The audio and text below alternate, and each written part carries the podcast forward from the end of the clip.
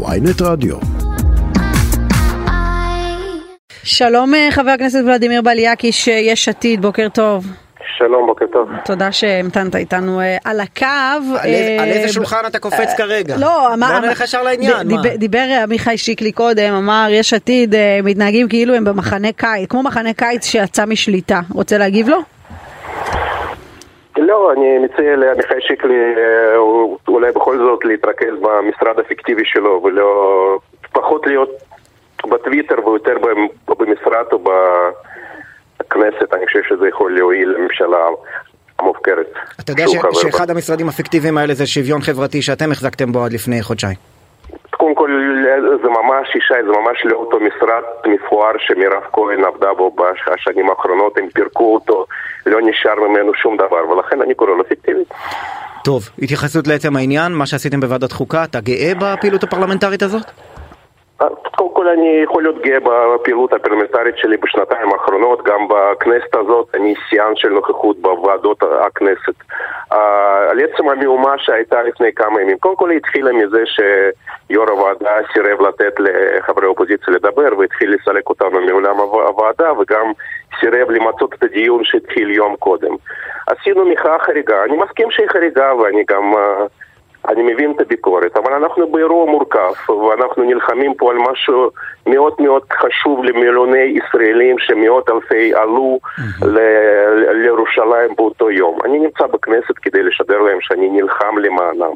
מבין את הביקורת. האם אני צריך להתנצל על זה? אני לא בטוח. אנחנו נשתמש בכל הכלים פרלמנטריים והחוץ פרלמנטריים כדי לעצור את הסכנה הזאת. אבל זה לא חלק מהכלים הפרלמנטריים, זה להפוך את הפרלמנט לבדיחה, לקרב צעקות.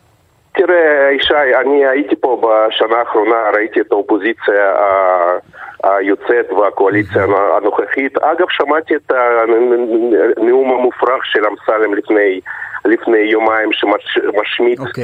מיליוני ישראלים שמתנגדים להפיכה הזאת. והתקנאת, אמרת גם הם אני רוצה יתחילו כזה. להתנצל, אני לא מכונת הגינויים שלהם.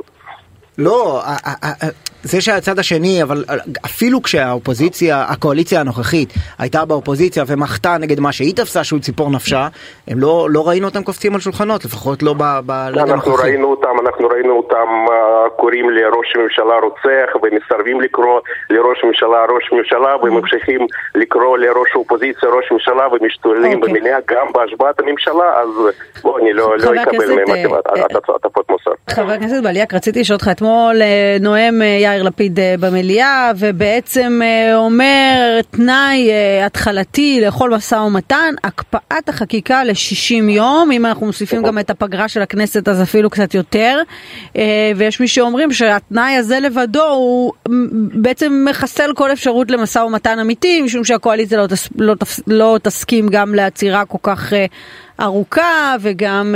זה גם פריצה של מתווה הנשיא, למה? אני, אני רוצה לחלק את זה לשניים. קודם כל אני חושב שברור שאם אם באמת רוצים הידברות אז קודם כל צריך לעצור את בליץ החקיקה בכנסת כי אחרת פשוט אי אפשר לנהל שום משא ומתן כי לא מנהלים משא ומתן עם אקדח ל- על יד רכה. אבל אה, לשישי, לעצם העניין של 60 יום, אני יכול להגיד לכם שהחקיקה מורכבת בכנסת היא, היא לוקחת זמן. זו חקיקה מורכבת, זו, זה נושא שהוא בליבו של הוויכוח בחברה הישראלית. יש פה מספר חוקים שעלולים לשנות את שיטת המשטר שלנו, ולכן 60 יום זה לא איזשהו מספר מופרך שאף פעם, אף פעם לא קרה. חקיקה אתה- רצינית תספר לי איזה, איזה חקיקה, איזה חקיקה. אי פעם נעצרה ל-60 יום? נעצרה אנחנו- חקיקה, לא דיונים בין קריאה ראשונה לקריאה שנייה ושלישית. אני, שוב, אני, אני לא יכול להביא עכשיו דוגמאות, אבל אני בטוח כן. שהיו בכנסת, אני, אני בטוח שהיו בכנסת חוקים שדנו בהם חודשים ארוכים, נכון. הרבה יותר מ-60 יום. דנו בהם נהדר, אבל איך דנים? מעבירים קריאה ראשונה, ואז עוברים לוועדה, ודנים שם, נכון? נכון, אבל מה הטענה שלנו? הטענה שלנו שבעצם המוטיבציה של אנשים שמו, שמובילים את ההפיכה היום בכנסת היא מוטיבציה לא תקינה. יש פה ראש ממשלה עם, עם שלושה כתבי אישום, ויש פה שר לשעבר שהסתבך בפלילים, ואנשים נוספים. המוטיבציה היא פלילית, ולכן אי אפשר לנהל את הדיון בכנסת כי הבסיס הוא לא תקין, ולכן אנחנו מוצאים אז אין לכם, אז אין לכם. בכלל, אין לכם בכלל בסיס להידברות עם האנשים האלה.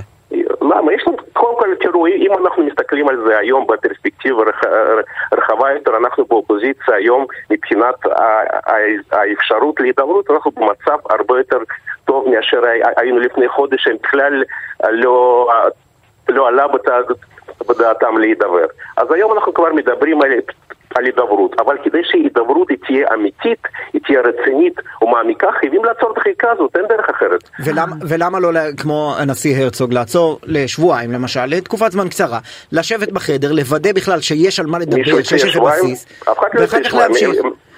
הם, הם, הם לא מוכנים לעצור ליום אחד. עזוב, אני אומר... יריב, אני... לוין, יריב לוין אמר אתמול שהצבעה בקריאה ראשונה תהיה ב, ביום שני ויהיה מה.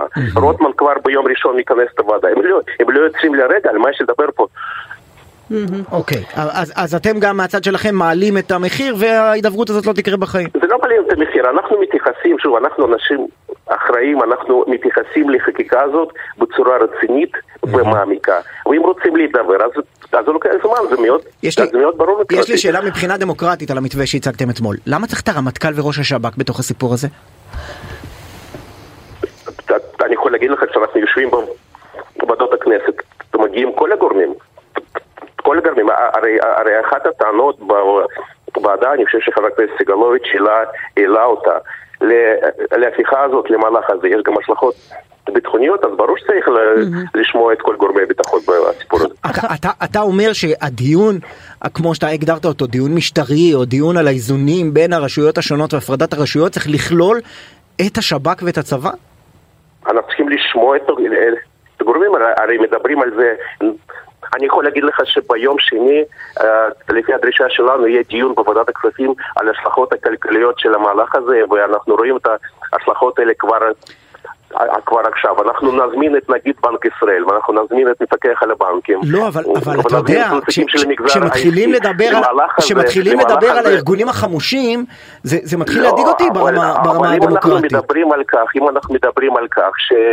שעלולה להיות השלכה גם נניח על היכולת של חיילי צה"ל, החיילים המשוחררים לנסוע לחו"ל, אז צריך לשמוע גם גורמי הביטחון.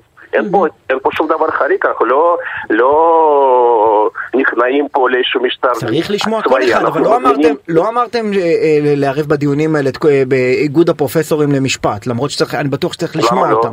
לא, ברור שכן.